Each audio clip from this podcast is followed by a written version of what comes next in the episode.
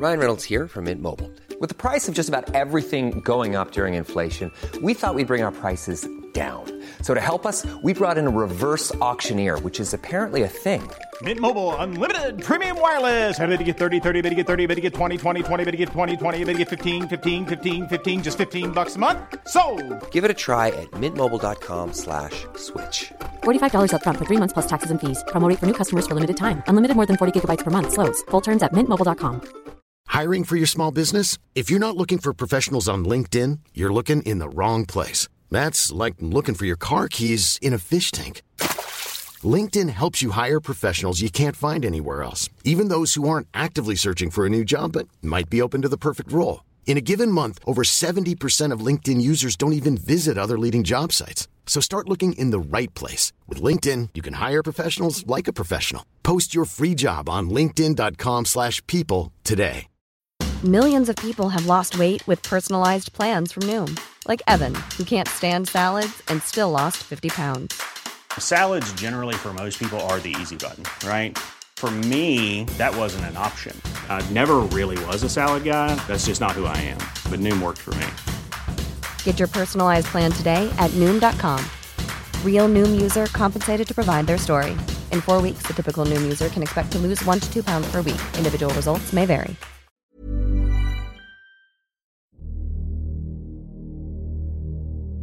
Den 24. november i 1971 var dagen før thanksgiving. På flyplassen i Portland var det fremdeles reisende som skulle ut og fly, til tross for feiringen dagen etter, og ved disken til flyselskapet Northwest Orient kom det en mann i 40-årene bærende på en sort stresskoffert og en brun papirpose. Mannen ønsket å kjøpe en enveisbillett til Seattle på flight 305, en halvtimes flytur nordover. Han oppga navnet Dan Cooper, fikk billetten og bordet flyet noe senere. Denne flyturen skulle vise seg å bli legendarisk. Eller mannen som kjøpte billetten, skulle iallfall bli det. Dette er historien om D.B. Cooper.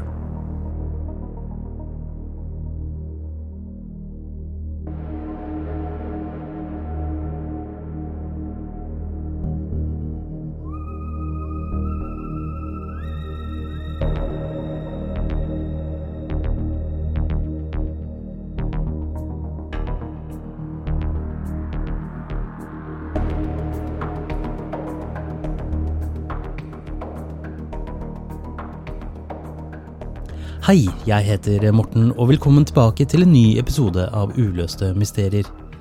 Jeg skal ikke komme med så mye tomprat denne gangen, men vil som alltid si tusen takk til alle gamle og nye lyttere som hører på denne podden. Denne episoden ble litt eh, forsinket. Noen ganger kommer livet litt i veien for hobbyer, men eh, håper dere kan tilgi meg for eh, forsinkelsen. Forhåpentlig fører eh, det som forårsaket eh, forsinkelsen med seg noe positivt både for meg og podden i fremtiden, og allerede ved neste episode vil jeg antageligvis kunne komme med en aldri så liten nyhet til dere. Følg meg gjerne på Facebook og Instagram hvor dere finner siden til podkasten ved å søke på Uløste mysterier. Og med det spenner jeg på fallskjermen og hopper i det. Det var eh, ettermiddagen før thanksgiving i 1971, og en høyreist mann i midten av 40-årene gikk bort til disken til Northwest Orient Airlines på Portland International Airport. Han hadde mørkt hår og brune øyne, hadde på seg en sort eller mørkebrun dress, en hvit skjorte, et tynt sort slips, en sort regnfrakk og brune sko. Med seg hadde han en sort stresskoffert og en brun papirpose. Det var i grunnen ingenting unormalt med denne mannen, og da han ønsket å kjøpe en enveisbillett til Seattle og betalte med kontanter, var heller ikke dette særlig unormal oppførsel på denne tiden. Han oppga navnet Dan Cooper, og siden dette var før flysikkerheten ble skjerpet, var det heller ingen som brydde seg om, eh, med å be om identifikasjon for å bekrefte at mannen som nå sto foran dem, virkelig var den han opplyste han var. Han fikk en billett til flight 305, takket de bak disken og gikk videre inn på flyplassen. Dette skjedde før metalldetektorer ble innført på de fleste flyplasser i USA, før bagasje ble gjennomsøkt, enten med røntgen eller av sikkerhetsvakter, og før passasjerer som betalte billettene sine med kontanter, ble grundig sjekket. Derfor var det ingen som så nærmere på stresskofferten til Dan Cooper før han gikk om bord. Han bordet flyet en Boeing 727-100 sammen med 37 andre passasjerer, og satte seg i midtsetet på bakerste rad 18E. På dette tidspunktet hadde han tatt på seg solbriller og bestilt seg en bourbon og 7-Up. Mannskapet om bord på denne flighten besto av seks menn og kvinner.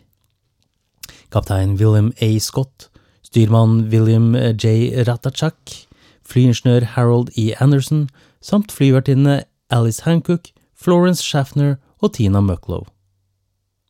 Flight 305 tok av fra Portland omtrent 14.50, og rett etter takeoff strakk mannen seg mot Florence Schaffner, som satt på et klappsete rett ved Cooper, og ga henne en lapp. Dette var ikke den første lappen hun har fått i sin karriere som flyvertinne, og tenkte med en gang at dette var nok en businessmann som ville gi henne telefonnummeret sitt, og puttet derfor lappen i vesken sin. Cooper la merke til dette, lente seg mot henne og hvisket, Miss, du burde se på den lappen, jeg har en bombe. Florence kjente først at hjertet hoppet over noen slag, før hun med smått skjelvende hender tok opp lappen for å lese beskjeden. Der sto det, Miss, jeg har en bombe i kofferten min, og jeg vil at du skal sette deg ned ved siden av meg. Hun viste lappen til Tina Mucklow, som satt ved siden av henne, og Tina ble like forskrekket. Florence gjorde det Cooper ba om, og ba veldig stille og forsiktig om å få se på bomben. Cooper åpnet stresskofferten, og da hun så innholdet, kjente hun blodet i årene fryse til is. I kofferten så hun to rader med fire røde sylindere som hun antok var dynamitt. Festet til disse sylinderne var det flere ledninger samt et stort batteri. Han lukket eh, kofferten og fortalte Florence kravene sine. Hun noterte ned det Cooper fortalte før hun gikk frem til cockpiten, og i mellomtiden satte Tina seg ned ved siden av flykaperen slik at hun kunne formidle det som ble sagt i cockpiten videre til Cooper og vice versa, ved hjelp av telefonen kabinpersonalet brukte for å kommunisere med cockpit. På veien valgte Florence og Alice Hancock å flytte samtlige passasjerer som satt i den bakre halvdelen av flyet, til den fremre halvdelen dels fordi de ikke ønsket at de skulle få med seg hva som skjedde på bakerste rad, og dermed eskalere situasjonen dersom panikk brøt ut, og dels for å skjerme dem dersom kaperen skulle gjøre alvor av truslene. Kaptein William Scott fikk høre hva som skjedde i kabinen så snart Florence kom inn. Han bestemte derfor at Florence skulle være igjen hos dem og ta notater av alt som skjedde fra dette tidspunktet, før han kontaktet Northwest Flight Operations i Minnesota og deretter ATC på Seattle Tacoma flyplass for å videreformidle kaprerens krav. Cooper krevde 200 000 dollar i en ryggsekk og fire fallskjermer, hvor to av de skulle være en form for reserveskjermer man har foran seg, mens de to andre skulle være av typen man har på ryggen. Dette skulle overleveres etter landing i Seattle, Deretter skulle flyet tankes, for så å flys til Mexico City. Som motytelse skulle kaperen la alle passasjerer få forlate flyet etter at flyet var tanket og pengene levert, men pilotene og en flyvertinne skulle være med videre til den nye destinasjonen. I første omgang fikk kaptein Scott beskjed om å sirkle over flyplassen i Seattle og informere passasjerene om at forsinkelsen skyldtes en mindre teknisk utfordring. Dette var selvsagt for å dra ut tiden, slik at myndighetene ved, lokale, ved, det lokale politiet og FBI fikk tid til å samle inn pengene fra presidenten i Northwest Orient, samt fallskjermene, og ikke minst sørge for at nødpersonell som helse og brann var til stede dersom det verste skulle skje. Myndighetene tok med andre ord ingen sjanser. Siden Cooper hadde bedt om to sett med fallskjermer, antok de at han ville ta et gissel, og at han derfor mente alvor. Flykapringer var riktignok ikke blitt hverdagskost i USA ennå, noe som forklarer den manglende sikkerheten ved flyplassene på denne tiden, og det var bare ti år siden den første flykapringen av et amerikansk passasjerfly hadde funnet sted. I 1961 ble et fly fra Florida til Key West kapret av en mann ved navn Antulio Ramires Ortiz. Ortiz låste seg inn i flyets fremre toalett og sendte en lapp under døra som kabinpersonalet fant. Her påsto han at han hadde en bombe med seg, og krevde at flyet fortsatte til Havana, noe kapteinen måtte gå med på. I lang tid trodde myndighetene at flyet hadde gått ned i havet en plass, men fikk høre om kapringen flere timer senere, etter at de hadde ankommet Cuba. Ortiz, som lenge hadde forsøkt å flykte til Cuba, fikk innvilget asyl. Han ble derimot raskt arrestert da magistraten på Cuba ønsket å sjekke bakgrunnen hans før han fikk gå fritt. Ortiz angret ganske raskt på at han hadde latt seg forville av Fidel Castro, kanskje særlig etter at Cuba-krisen ble et faktum, og så fort han slapp ut av fengsel, forsøkte han å komme seg tilbake til USA. Han forsøkte seg hos forskjellige ambassader, og den sveitsiske ambassaden forsøkte faktisk å kjøpe en billett til, til Mexico for han. Dette førte da til at han ble arrestert nok en gang, denne gangen for spionasje. Etter tre år slapp han ut, Ortiz nølte ikke med å forsøke å komme seg vekk. Han lagde seg derfor en flåte og forsøkte å seile tilbake til USA, men ble plukket opp av et cubansk fartøy som tok ham med tilbake til Havanna, hvor han igjen ble fengslet i tre nye år fordi han hadde ønsket å forlate Cuba. Han fikk seg deretter jobb og en kone, men kona reiste til USA uten eh, han da hun fikk seg plass på et fly ut av landet. Ortiz klarte etter hvert endelig å komme seg tilbake til USA i 1975, men ble med en gang arrestert av FBI for flykapringen han begikk i 1961, som hadde da skjedd 14 år tidligere. Han ble til slutt dømt til 20 års fengsel for flykapringen og for å ha samarbeidet med en annen statsmakts etterretning. Tilbake i Seattle i 1971 satt DB Cooper fremdeles rolig i setet sitt og så passasjerene forlate flyet, helt uvitende om hva som hadde foregått i kulissene. Ved siden av seg hadde han en bag med 200 000 dollar, og han tente seg en ny sigarett, mens det nå beskjedne mannskapet på tre gjorde flyet klart til takeoff. Litt før hadde en enslig representant for flyselskapet beveget seg om en noe nervøst mot trappebilen som sto koblet til flyets fremste dør. Med seg hadde han fallskjermene og en bag med pengene, og bakkemannskap og myndigheter hadde fulgt Coopers krav til punkt og prikke. Den eneste døren på flyet som skulle åpnes, var nettopp den driftslederen for Northwest Orient i Seattle, Al Lee, skulle gå gjennom. Tina Mucklow, som hadde sittet ved siden av Cooper under nesten hele hendelsen, mottok pengene og brakte bagen til Cooper. Passasjerene fikk lov til å forlate flyet mens Cooper inspiserte pengene, og Tina, som hadde fått mulighet til å prate en del med Cooper den tiden flyet var i luften, spøkte nervøst med han for å lette stemningen, og spurte om hun kunne få noen av pengene som han satt og tittet gjennom. Til hennes store overraskelse sa Cooper at ja, det skulle hun selvsagt få, og rakk henne en seddelbunke. Sjokkert avslo Tina det sjenerøse tilbudet og ga pengene tilbake. Hun forklarte raskt at hun var svært takknemlig for tilbudet, men at det var imot policyen til selskapet, det samme hun og de andre i kabinpersonalet hadde forsøkt å forklare han da han ville tipse dem under flyturen for drinker han bestilte. Etter at passasjerene var gått av, ba Cooper Tina om å hente fallskjermene. Mens hun gjorde dette, spurte Florence om hun kunne hente vesken sin i rommet bak Cooper. Han hadde ingen problemer med dette og sa litt tørt til henne, jeg skal ikke bite deg. Alice spurte Cooper om flyvertinnen kunne få lov til å forlate flyet, hvorpå han svarte gjør det dere vil, jenter. Florence og Alice gikk av flyet. Da Tina brakte en siste fallskjerm til Cooper, ga hun han instruksjoner for, bruke, for, bruken av eh, skjermene, men da han fikk eh, denne, så sa han bare at eh, den hadde han ikke noe behov for. Det tok litt tid å fylle drivstoff på grunn av problemer med tankbilene, og Cooper brukte forsinkelsen til å improvisere en metode for å frakte med seg pengene. Han klagde til Tina over at de ikke hadde fulgt instruksjonen hans ved å legge pengene i en bag fremfor en ryggsekk. Han brukte derfor en lommekniv til å skjære av ene, den ene reserveskjermen, og brukte bagen til denne til å transportere pengene i stedet, etter å ha tjoret alt fast med stroppene til skjermen. Cooper gikk lei av å vente på at flyet skulle tanke ferdig, og uttalte dette burde ikke ta så lang tid, og let's get this show on the road. Han gikk frem til cockpit og ga pilotene flyruten og eh, direksjonen om hvordan de skulle fly. De skulle holde en sydøstlig kurs mot Mexico City med en fart på rundt 100 knop, eller ca. 185 km i timen, noe som er den minste hastigheten flyet kunne holde uten å ståle. De skulle ha en maksimal høyde på 10 000 fot, eller 3000 meter, understellet skulle være utslått og flapsen på vingene skulle være slått ut i 15 grader. Sist, men ikke minst, skulle kabinen ikke trykksettes. Piloten informerte Cooper at selv om de kunne fly med disse konfigureringene, så ville det sørge for at eh, de måtte gjøre nok et stopp for å tanke igjen, og de ga ham flere mulige steder.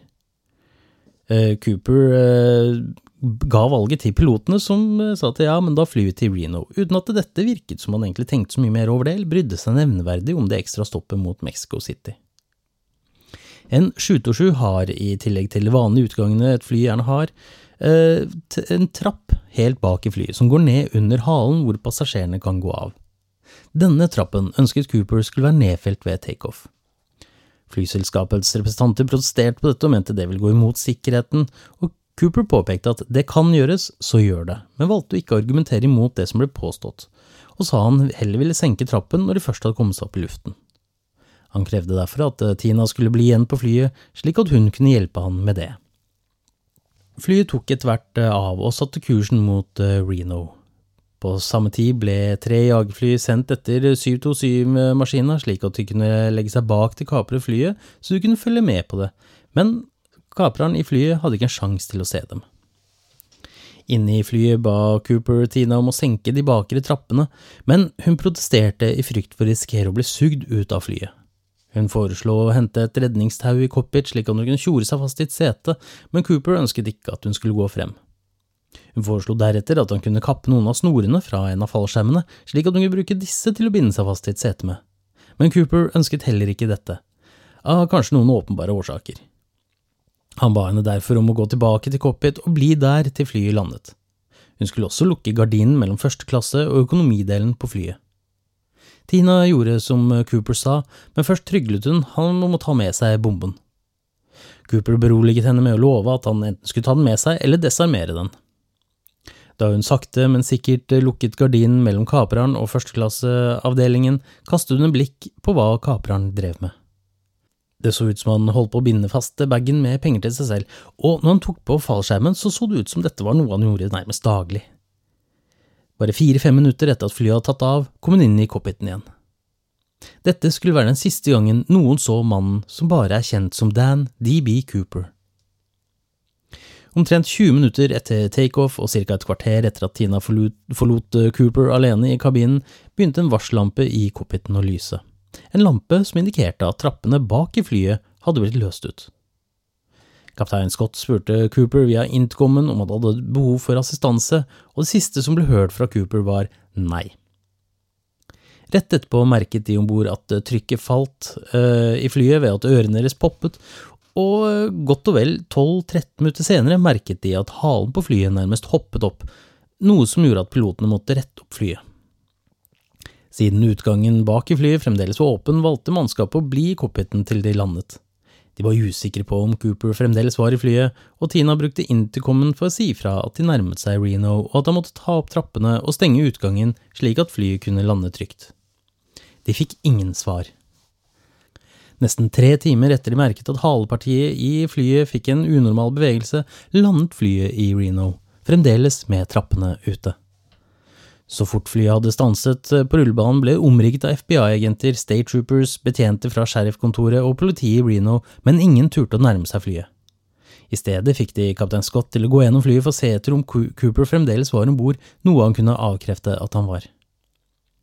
FBI sendte folk om bord for å undersøke om bomben fremdeles var der, men de fant ingenting. Flykapringen som hadde startet omtrent klokken 15, var endelig over åtte timer senere. FBI og politiet gjennomsøkte flyet. De fant 66 fingeravtrykk i bakre del av flyet, hvor de antok at noen måtte ha tilhørt Cooper. Kabinpersonalet ble raskt utelukket, men det gjensto fremdeles flere avtrykk enn det hadde sittet passasjerer i denne delen av flyet. De fant også det svarte klipsslipset til Cooper, og på det hang det en slipsnål. To av de fire fallskjermene var igjen, hvor den ene skjermen hadde fått skåret av flere snorer.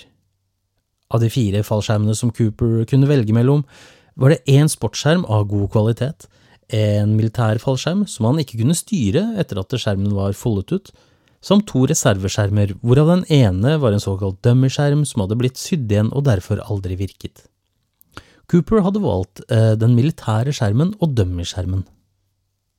På én side er det de som sier at Cooper neppe var en erfaren fallskjermhopper, da han høyst sannsynlig ville sett at dummy-skjermen ikke kunne brukes men samtidig sa Tina i vitneavhør at han tok på seg skjermene med letthet som om dette var noe han hadde gjort ofte. Hun hadde også sett han pakke om pengene i en av eh, skjermbagene og surret skjermen rundt bagen. Det kan tyde på at Cooper visste nøyaktig hva han drev med, og at han med en gang kjente igjen dummy-skjermen, og derfor var det denne han valgte for å pakke om pengene, og siden han dermed ikke hadde plass til å bruke den andre skjermen, brukte, eh, brukte han snorene derfra til å binde bagen med pengene til seg selv. Han har nemlig ikke fått med seg festemidlene som var nødvendig for å feste reserveskjermen til fallskjermen. Som nevnt virker det som Cooper var fullstendig klar over dette, og dermed improviserte, noe som tyder på at han ikke bare var en meget erfaren fallskjermhopper, men også en type person som klarte å improvisere løsninger i høyt stressende situasjoner. Tina, som hadde sittet ved siden av Cooper for mesteparten av flyturen, kunne også fortelle at de hadde småpratet. Tina hadde spurt ham hvorfor han valgte Northwest Airlines som mål, noe han lo litt av før han uh, svarte det er ikke fordi jeg bærer nag til flyselskapene deres, det er bare fordi jeg bærer nag, og forklarte videre at denne avgangen tilfeldigvis passet med hans behov. Det som er interessant å legge merke til her, er hvordan han valgte å uttale seg. På engelsk sa han It's not because I have a grudge against your airlines, og siden han sa airlines i flertall, kan man spekulere i hvorvidt han var amerikansk eller om han var fra et annet land. Akkurat dette kommer jeg tilbake til. Han spurte videre hvor hun kom fra, hvorpå Tina svarte at hun opprinnelig var fra Pennsylvania, men bodde i Minneapolis for øyeblikket. Cooper svarte da at Minnesota var very nice country. Mente han da at Minnesota var et veldig fint land, eller at landskapet i Minnesota var fint? Dette er det noen uenigheter om. Noen mener at dette er nok et bevis på at han ikke var amerikansk, og mente at Minnesota var et land fremfor en stat, mens andre mener at han ganske enkelt mente at landskapet i Minnesota var fint. Enda en ledtråd på at han var utenlandsk, var kravet han stilte. Han ønsket 200 000 eh, i omsettelig amerikansk valuta, eller negotiable American currency.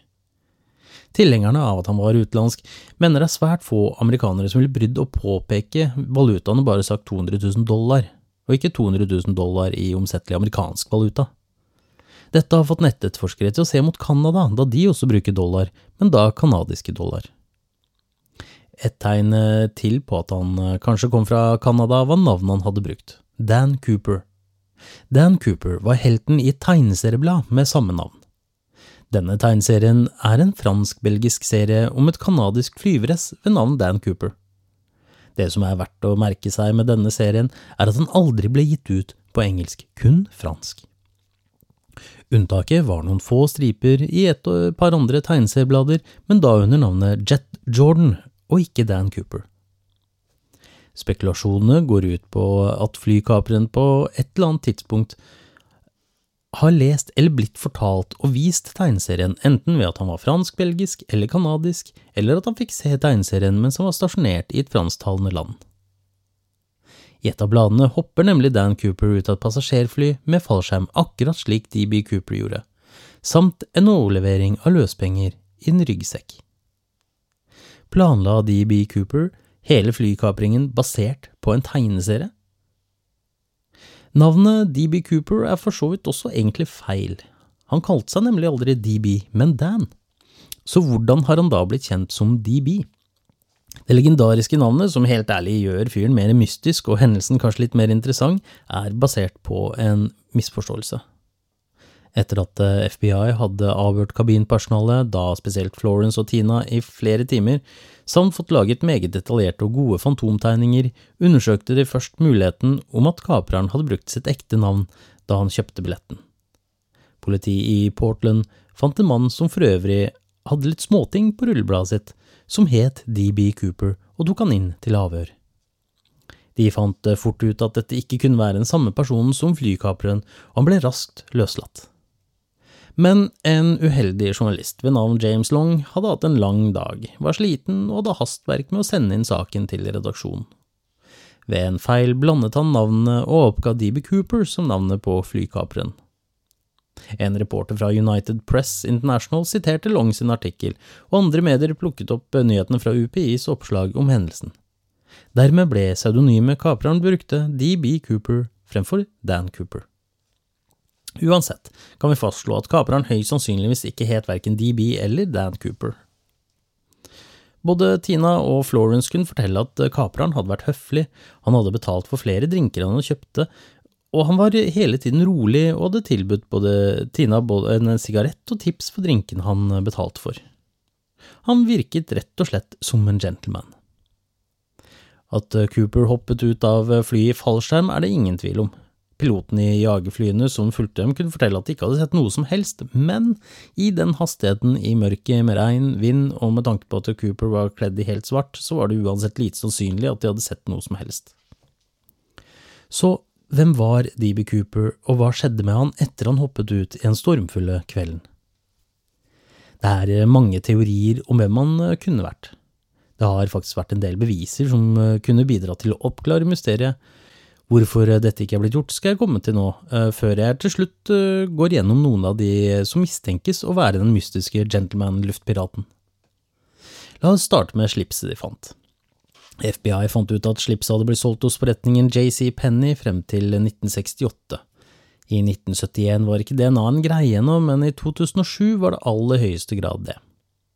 FBI undersøkte slipset på nytt, og fant denne gangen en del av en DNA-profil, men de måtte erkjenne at de på ingen måte kunne fastslå at denne DNA-profilen i det hele tatt kom fra DB Cooper.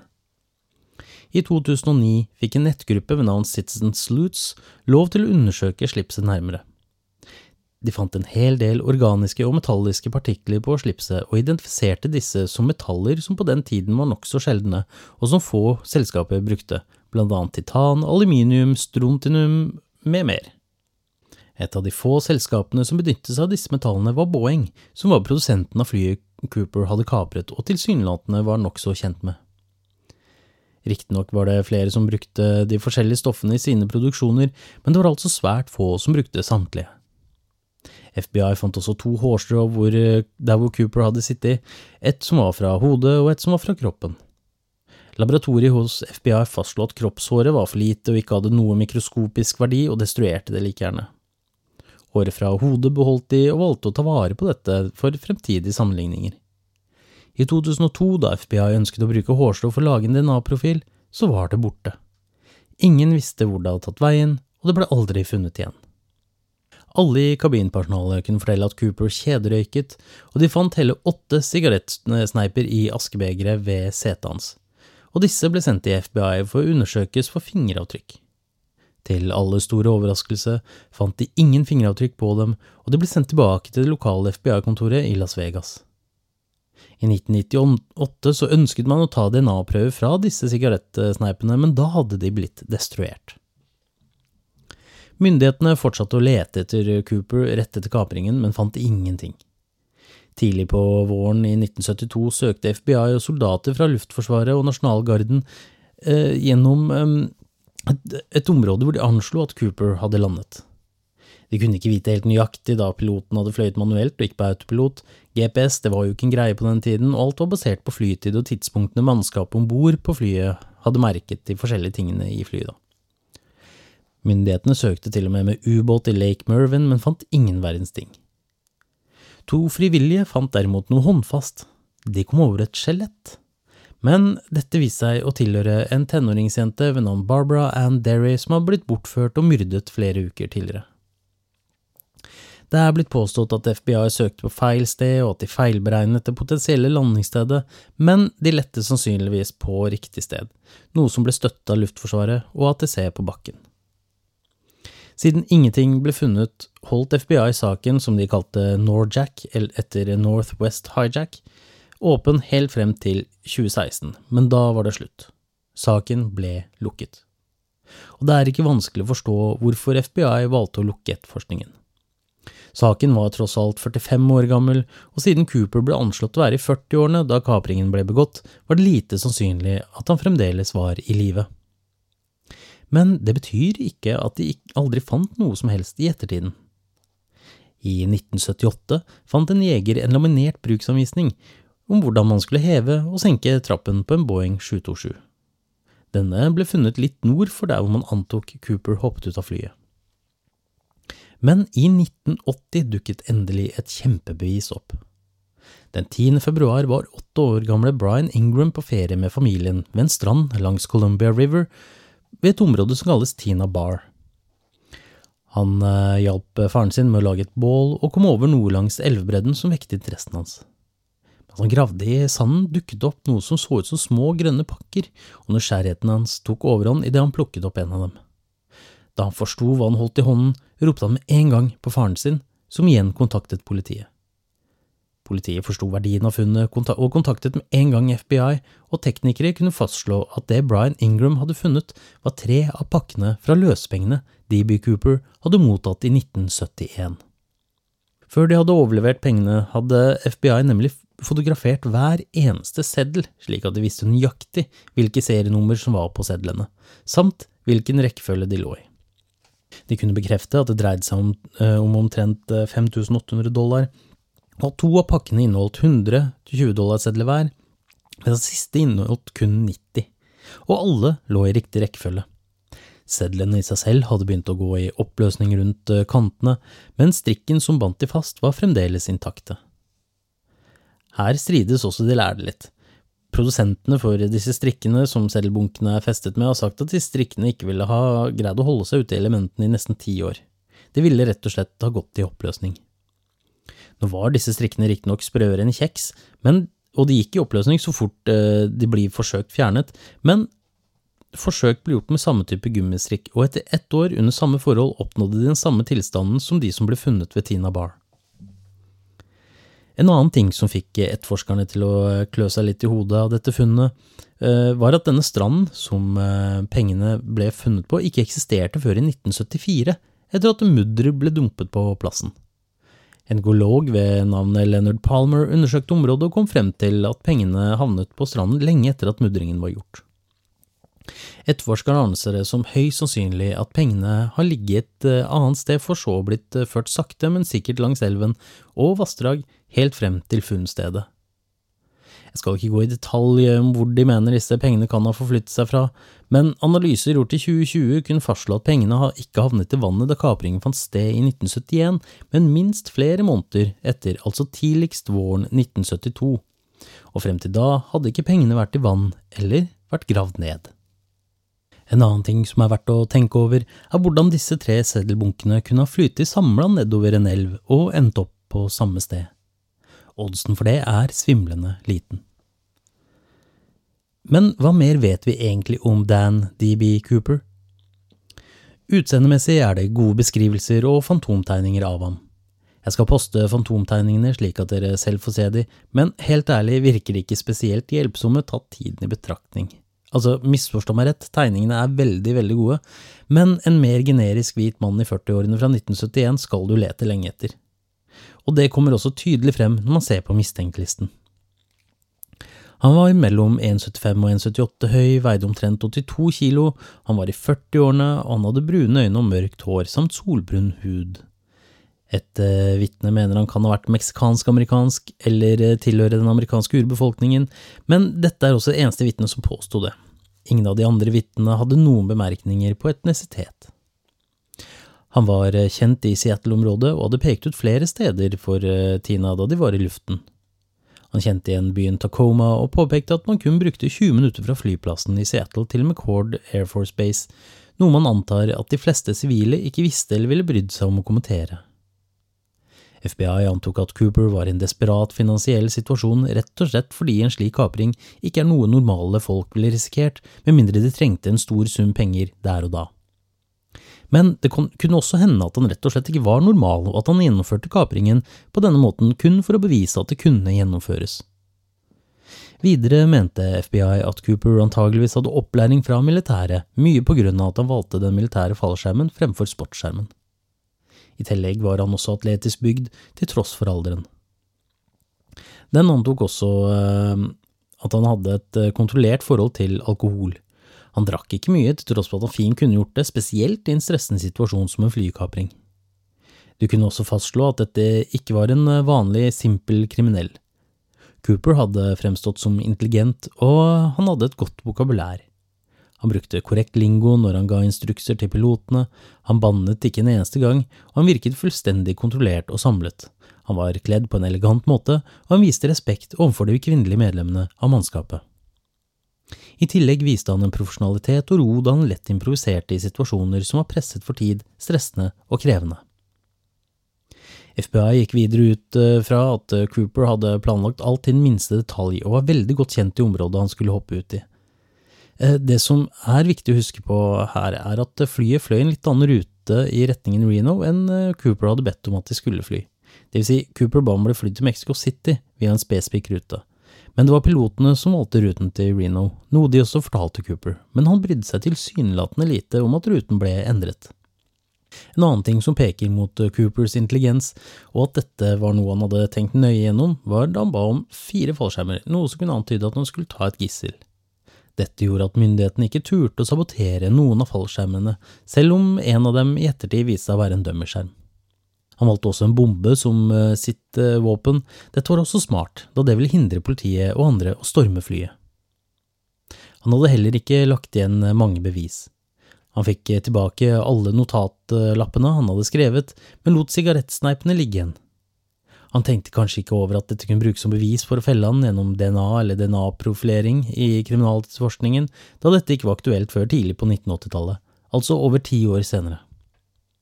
Han lot også slipset ligge igjen, men hvorvidt dette var en tabbe eller gjort med intensjon, det vet man ikke.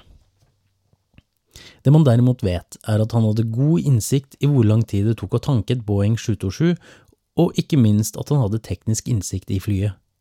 Såpass god innsikt at han spesifikt valgte dette flyet for kapringen sin.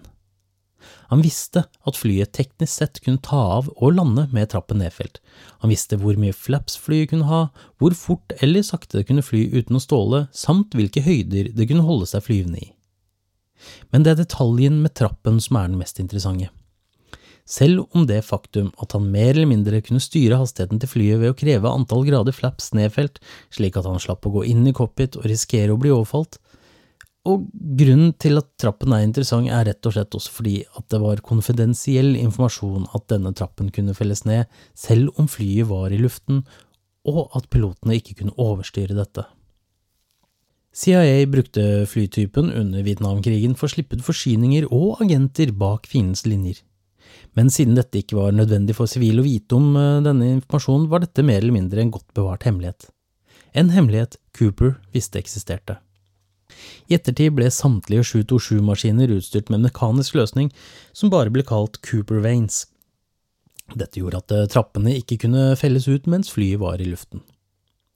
Og detaljene rundt eh, det å droppe last ut av fly kan vise seg å være et hint om hvem Cooper virkelig var, i alle fall om man skal tro Larry Carr, som ledet etterforskningen fra 2006 til 2009.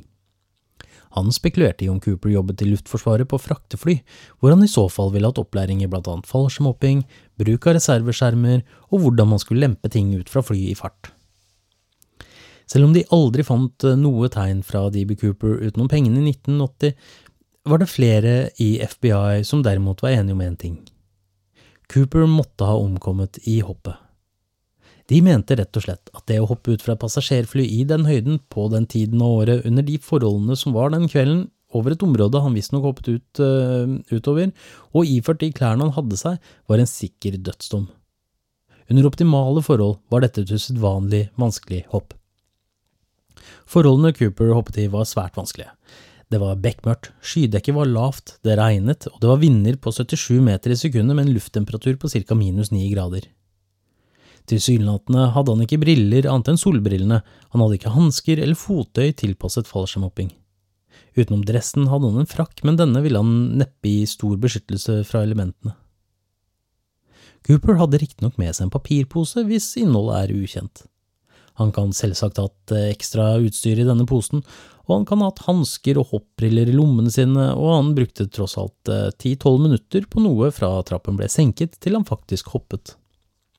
Eksperter på fallskjermhopping har sagt at man ikke behøver å være særlig erfaren for å overleve et slik hopp, men eh, det at det foregikk på kvelden i stupmørket gjorde overlevelsessjansene betraktelig mindre. Og husk, han hoppet tross alt utover det som kan kalles et vrient område å finne frem i, med noe fjell og mye skog. Med mindre han hadde noen som ventet eh, på han et sted, måtte han, etter å ha landet, klart å navigere seg til nærmeste sivilisasjon uten noe tilsynelatende hjelpemiddel. Det var riktignok flere småbyer med tilknytning i området, og ikke så forferdelig langt til dramatbyene i Portland, men det ville fremdeles kreve en god del dyktighet og ikke minst flaks for å komme seg helskinnet dit. Og det er veldig lite sannsynlig at han hadde noen som ventet på bakken. Han visste rett og slett ikke hvor han skulle lande, og ikke kunne han styre fallskjermen heller. Dermed virker det mer som om eh, det generelle området, eh, så og så lang tids flyving fra, fly, fra flyplassen i Seattle, i en like generell retning, var målet til Cooper. Jeg har pratet litt om hvor han kunne komme fra, altså ehm, at mye tydet at han kom fra et annet land enn eh, USA. Han pratet uten aksent, og setter man det sammen med de andre detaljene jeg påpekte tidligere, altså pseudonymet Dan Cooper, uttrykkene i amerikansk valuta og deres flyselskaper, kan det tyde på at han kom fra Canada, hvor mange snakker både engelsk og fransk, men uten å ha en åpenbar aksent. Og hvorfor valgte han dress som sitt uh, klesplagg, all den tiden han visste han skulle hoppe ut av et fly i fallskjerm? Det kan tenkes at han hadde noen som ventet på bakken allikevel, men at planen var at hun skulle haike til nærmeste sted hvor hun kunne ringe vedkommende som satt og ventet en plass. Og jeg kan anta at det ville vært vanskelig å få haik dersom han kom ramlende ut av skogen i møkkete klær, enn om en i dress sto langs veien og haiket. Dette kan også forklare hvorfor en av seddelbunkene som ble funnet, manglet noen sedler fra den ene bunken. Hadde han betalt for haiken? Han hadde tross alt eh, ønsket eh, om å både tipse og gi penger til kabinpersonalet ved flere anledninger, så hvorfor ikke den personen som ga han haik? Uansett, en mann i dress ville sett mindre mistenksom ut for en som ville plukket opp en haike langs veien. Og det kan også tenkes at resten var Coopers uniform, på en måte. Hvis han var en ingeniør eller lignende, var det ikke unormalt på den tiden at eh, man gikk i dress på vei eh, til og fra jobb. FBI lette også etter noen som ble meldt savnet i tiden etter thanksgiving i 1971, men de fant ingen.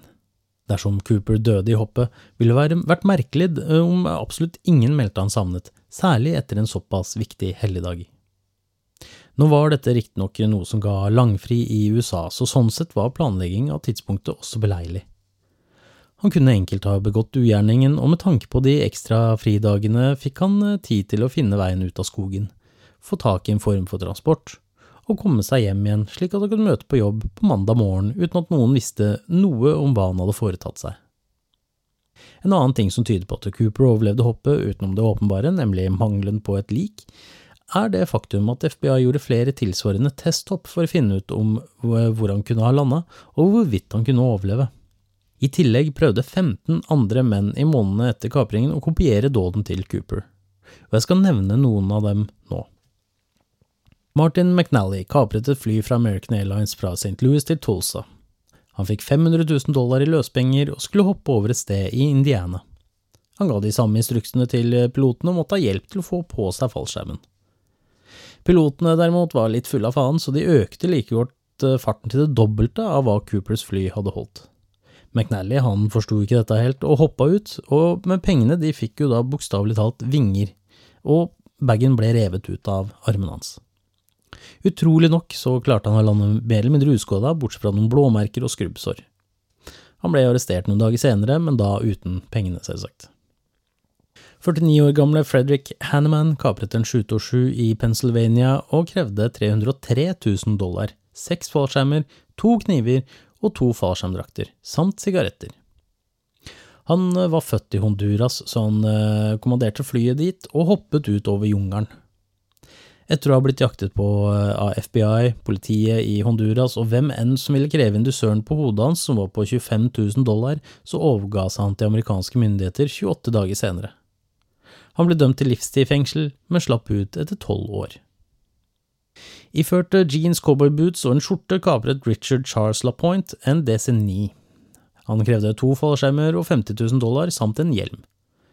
Han hoppet utover det nordøstre Colorado, men var lett å spore opp da myndighetene hadde satt til sporingsenhet på fallskjermen. Dermed kunne de lett finne ut hvor han hadde landet, og siden det stort sett var både gjørme og snø på bakken, var han veldig lett å finne. Bare noen timer senere ble han arrestert og dømt til 40 års fengsel. Rob Heedy var tidligere fallskjermhopper for hæren og en veteran fra Vietnamkrigen. Han kapret et fly, fikk løspenger eh, slik som alle de andre, hoppet ut over et område han var veldig spesifikk på, men ble lurt av pilotene som hadde endret kursen med en halv grad. Det var nok til at eh, Heedy landet på en helt annen plass enn forventet, og han kunne lett bli funnet og arrestert av FBI dagen etter. Han fortalte at idet han løste ut fallskjermen, glapp pengene fra enden hans og i 1972 så ble han dømt til 30 års fengsel. Likheten mellom disse fire, utenom det samme modus operandi, er at alle overlevde hoppene sine, og noen av dem var i tillegg helt ukjente med fallskjermhopping. Sjansen for at Cooper overlevde hoppet er dermed nokså stor. Det er nok av mistenkte å ta når man forsøker å gruble over DB Cooper og hvem han kan ha vært. Jeg skal ikke dekke alle, da det i seg selv kunne vært en helt egen episode, men jeg skal dekke noen av de som kanskje kan virke mest sannsynlige. Men la gå, jeg skal også ta med et par som iallfall for meg virker nokså usannsynlige. Jeg begynner like gjerne med dem. Lynn Doyle Cooper I 2011 sto niesen hans Marla Cooper eh, frem med påstanden om at DB Cooper i realiteten var LD Cooper. Hun kunne fortelle at LD og en annen onkel hadde planlagt eh, noe ulovlig som involverte bruken av dyre walkietalkies. Dagen etter hadde de samme onklene vært ute og jaktet på kalkun, hvor LD hadde kommet hjem med en blodig skjorte som han visstnok hadde sagt eh, kom fra en bilulykke. Hun uh, hadde visstnok overhørt dem si vi klarte det, vi kapret flyet, og rett etter dette forsvant LD. Familien forklarte det med at han var på rømmen fordi han hadde kapret flyet som DB Cooper. Nå skal det sies at niesen til LD Cooper var åtte år på dette tidspunktet, og i tillegg så har hun bare blitt fortalt det meste av disse detaljene, og hun kan ikke bevise noe som helst av det. Eh, LD han forsvant heller ikke etter denne hendelsen, men hadde bare flyttet og gifta seg. Og han holdt kontakten med familien hele tiden og arbeidet på en, eh, på en gård som ansatte tidligere kriminelle. Med andre ord så kan man nok avvise teorien om at LD Cooper var DB Cooper. Nestemann på lista er Dwayne L. Webber, han ble foreslått som en mistenkt av enken hans, som kunne fortelle en utrolig historie rett etter at Dwayne hadde dødd. Hun fortalte at han med sine siste åndedrag hadde bedt henne å komme nærmere, og da han hadde noe han måtte fortelle henne. Hun gjorde som hun sa, og det var da han fortalte henne det som tilsynelatende hadde vært en dyp og mørk hemmelighet. Jeg er Dan Cooper. Det var Dwaynes siste ord til kona si. Hun visste ikke helt hva han mente med det, men fikk etter noen måneder vite hvem Dan Cooper kunne være. Hun gikk på det lokale biblioteket og lånte en bok om flykapringen. Her kunne hun til sin store overraskelse se at mannen hennes hadde skrevet mange notater i margene. Weber var en krigsveteran fra andre verdenskrig. Han hadde sonet i fengsel for både innbrudd og forfalskninger, drakk bourbon og kjederøyket. Kona kunne også fortelle at eh, de hadde vært på en tur til Seattle og til Columbia River, hvor han i 1970 hadde kastet en sekk med ukjent innhold i vannet rett i nærheten av Tina Bar. Kona kunne også fortelle at de hadde vært på en tur til Seattle og til Columbia River, hvor han i 1979 hadde kastet en sekk med ukjent innhold i vannet rett i nærheten av Tina Bar. Kona påsto også at hun eh, etter hans død hadde funnet flere falske identifikasjonspapirer. Hun husket mareritt han hadde hatt hvor han pratet til søvne om at han hadde etterlatt fingeravtrykk på et fly, og at han slet med en kneskade som han eh, sa han hadde fått etter å ha hoppet ut av et fly. Hun har også funnet en gammel Northwest Orient-billett liggende i huset. Men som med LD Cooper var det lite faktiske beviser for at Dwayne kunne være DB Cooper, utenom hva enken hans påsto. I tillegg matchet ikke fingeravtrykkene til Dwayne noen av avtrykkene funnet på flyet, og DNA-et hans matchet heller ikke noe av det som ble funnet på slipset til Cooper. Igjen må jeg påpeke at man heller ikke vet om det faktisk er Coopers DNA på slipset, men i alle tilfeller er det lite sannsynlighet for at Dwayne var Cooper. Hvorfor han brukte sine siste ord på dødsleiet til å si det til kona si, det kan man bare spekulere i. Så over til noen av de som uh, har vært, og kanskje er, høyest på mistenkelista. Jeg begynner med Robert Rackstraw, som var en tidligere pilot, ekskriminell og Vietnam-veteran som ble sett uh, nærmere på av FBI på 70-tallet, men avvist som en potensiell kandidat. History Channel visste derimot bedre, og da de lagde en dokumentar om DB Cooper og Rackstraw, kom det visstnok eh, visst over flere fysiske bevis som kunne peke mot både Cooper og Rackstraw. Oppå det hele dukket opp eh, på mystisk vis tilståelsesbrev fra desember 1971, skrevet i koder, som igjen pekte på Rackstraw. FBI har rett og slett valgt å ikke kommentere påstandene og anklagene mot Rackstraw, og anser han rett og slett ikke som en kandidat. Mannen selv kunne fortelle at han mistet jobben sin og følte at helsen hadde blitt betydelig dårligere på grunn av dokumentaren og anklagene. Det er ikke blitt forklart hvor de såkalte bevismaterialene ble funnet, annet enn at de plutselig har dukket opp, og det kan heller ikke bevises at de tilhørte verken Cooper eller Rackstraw. Robert Rackstraw døde i 2019. I 2003 så Lyle Christensen på en dokumentar på TV om DB Cooper, og da fantomtegningene ble vist, var han skråsikker på at dette var broren hans den avdøde Kenneth Peter Christensen. Kenneth hadde vært fallskjermjeger i hæren før han eh, etter krigen ble flyvert og deretter kabinsjef hos Northwest eh, Airlines stasjonert i Seattle. I 1971 var han 45 år, han var litt kortere enn DB Cooper visstnok var, noe tynnere, nærmere 68 kilo, fremfor Coopers 82 kilo. Kan han ha hatt på seg et lag til eh, med klær under for å virke større, slik at han eventuelt kunne skifte etter at han hadde landet? Kenneth han eh, røykte og foretrakk bourbon, og i tillegg hadde Florence sagt i ettertid at eh, Kenneth lignet mer enn noen annen mistenkt, slik hun husket Cooper, men hun kunne ikke si det sikkert om det var han eller ikke. En annen detalj var at Kenneth var venstrehendt, noe man mistenker at Cooper også kunne ha vært da han ble sett håndtere blant annet kofferten med venstre hånd. Han hadde også fortalt uh, broren sin at han hadde en hemmelighet han ville dele, men han kunne rett og slett ikke si det. Han døde, da han døde, så fant familien hans over 200 000 dollar spredd rundt på forskjellige kontoer. Når det er sagt, påpekte Florence at Cooper hadde mer hår på hodet enn Kenneth, og pengene de hadde han tjent på å selge eiendom. Det var dermed helt lovlige penger. Men han er fremdeles en interessant person å vurdere.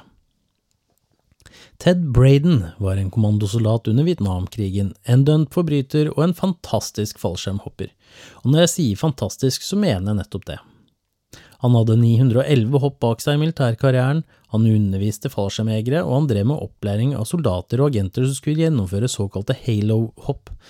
Halo er en forkortelse som betyr High Altitude Low Opening. Det betyr at man hopper fra svært store høyder og utløser skjermen forholdsvis lavt, noe som gjør at man fort kan nå hastigheter på over 200 km i timen. I Vietnam var han teamlederen for en spesialstyrke som drev med topphemmelige og ukonvensjonelle operasjoner i både Nord- og Sør-Vietnam, Laos og Kambodsja. Det han drev med var så hemmelig at da han i 1966 deserterte fra enheten sin i Vietnam for å reise til Kongo for å jobbe som leiesoldat, så sendte USA CIA-agenter dit for å hente han tilbake slik at han kunne stilles for krigsrett. Vanligvis ville dette bety dødsdom for Braden. Å desertere fra enheten sin i krigstid medførte nemlig dødsstraff. Men på grunn av det Braden visste av hemmeligstemplede oppdrag og sensitiviteten av dem, så fikk han i stedet, i stedet en ærefull avskjed fra hæren. Braden var en lyssky type som drev med minst like lyssky aktiviteter både i Vietnam og i USA. Han hadde en tendens til å sette seg selv i stor fare, men samtidig å klare å komme seg unna det i livet, og i 1971 kan det hende at han kjedet seg i arbeidet sitt som lastebilsjåfør for Consolidated Freightways i Vancouver i Washington, rett i nærheten av Portland og området hvor DB Cooper hoppet ut av flyet. Han drev riktignok med en svindel som innebar lastebiler, men dette ble han kun mistenkt av FBI for uten at det førte til noe tiltale. I 1980 ble han tiltatt av en stor jury for å ha kjørt en lastebil stappfull med tjuvgods mellom flere stater, men det kan virke som han heller ikke her møtte, måtte møte tiltale. To år senere så ble han arrestert i Pennsylvania for å ha kjørt uten førerkort i et stjålet kjøretøy som appåtil hadde falske registreringsskilter, og nå kunne ikke lenger hvem enn det var som holdt en beskyttende hånd over han, eh, hjelpe han lenger. Han sonet noe mot slutten av 80-tallet, men utover dette finnes det lite detaljer om rullebladet hans. Han hadde definitivt muligheten til å gjennomføre kapringen, eh, han var svært intelligent, han ville neppe sett på det å kapre fly som en stressende oppgave, og den vågalsen med et dødsdønske som han eh, var, så ville det å hoppe ut av et passasjerfly en mørk høstkveld i full storm omtrent virke som en drøm for han. Det er til og med veldig godt mulig at han hadde gjennomført slik type hopp i Vietnam, da spesialstyrken han var en del av, arbeidet veldig tett med CIA, som brukte slike hopp til slike oppdrag som han gjennomførte. Rent utseendemessig er det noe som taler for han, og andre ting som taler imot. Han var noe lavere, men høyden er oppgitt i militærpapirene hans, og det er på sokkelesten. Med sko på så kan han kanskje ha nådd omtrent en høyde på 1,75. Han var atletisk bygd, han hadde kort, mørkt hår, han var solbrun i huden og var omtrent 43 år gammel på tidspunktet til kapringen. Han kan også ligne på fantomtegningene av Cooper. Men én ting taler imot. Han var alt annet enn en gentleman.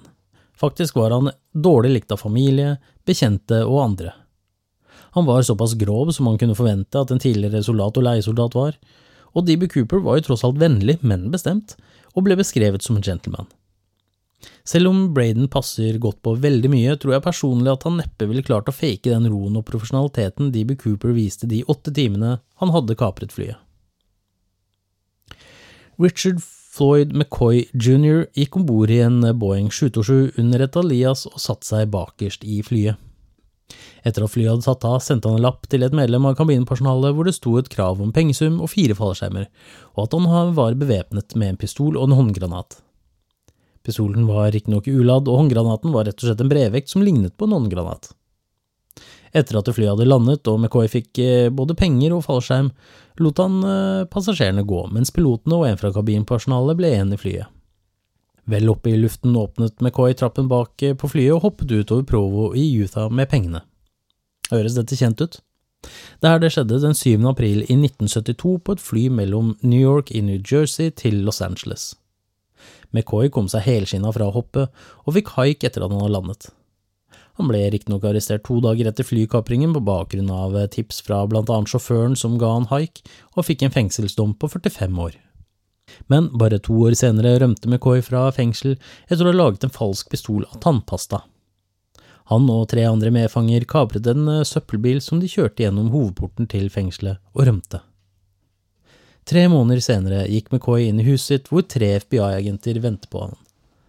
Han ville nok absolutt ikke tilbake i fengsel og valgte å trekke pistolen sin og skyte mot dem, men ble skutt og drept av agentene. Men utenom det faktum at han kapret et fly på samme måte som Cooper, hva annet er det som gjør han til en god mistenkt, og ikke bare en copycat? McCoy var en Vietnam-veteran hvor han tjenestegjorde som sprengstoffekspert og pilot, og fikk til sammen syv medaljer, blant annet for heltemot i luften, heltemot på bakken, samt Purple Heart for å ha blitt såret i en kamp. Han var to runder i Vietnam, hvor en av dem var som en Green Beret-pilot, og kjapt forklart så er Green Berets en spesialstyrke i den amerikanske hæren, og de er en gjeng reale hardhauser, for å si det på en pen måte. Etter dette arbeidet han for nasjonalgarden i Utah, og på listen over hobbyer hadde han blant annet fallskjermhopping.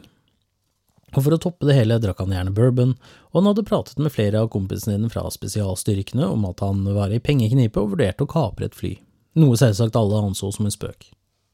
Men etter 7. april 1972 ble spøken plutselig reell, og et av de tipsene om eh, at McCoy var hjemme hos seg selv, kom fra nettopp en av kompisene hans i spesialstyrkene.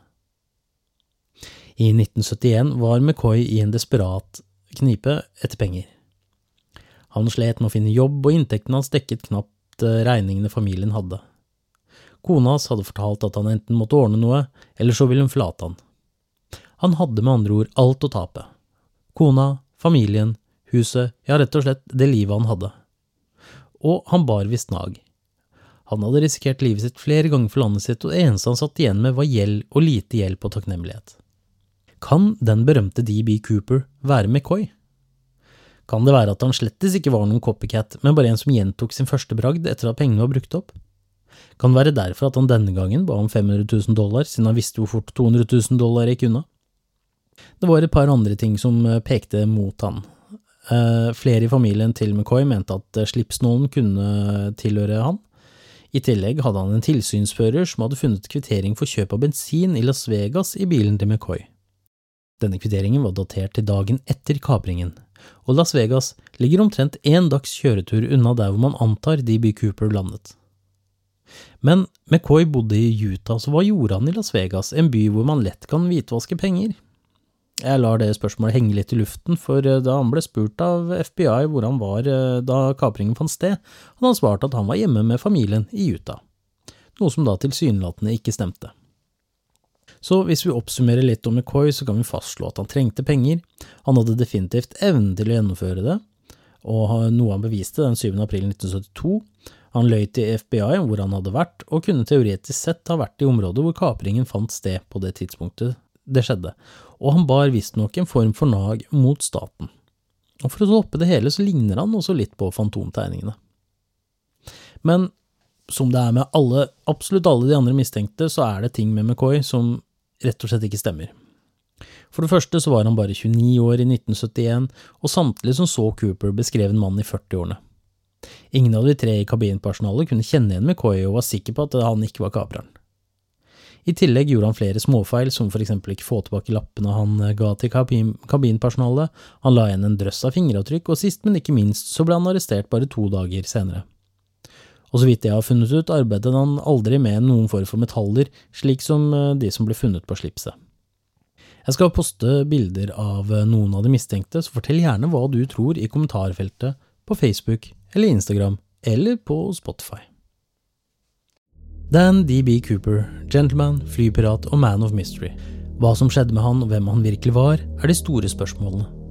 Flykapringer er en brutal kriminell handling, og selv om han oppførte seg eksemplarisk og viste respekt overfor gabinpersonalet, var det fremdeles dramatisk for de involverte. Man skal ikke forhellige gjerningen, men det er lov å la seg fascinere av gjennomføringen og hvordan det hele utspilte seg på måte man kun ser på film, leser om en spenningsroman eller leser om i en tegneserie. Selv om man har funnet noe av pengene, er det fremdeles en stor sum som aldri er gjort rede for, til tross for iherdig leting. Og helt til slutt sitter man igjen med en drøss av mistenkte hvor alle både passer og ikke passer til profilen til det uløste mysteriet om DB Coopers virkelige identitet. Takk for at du har lyttet til denne episoden. Vi høres.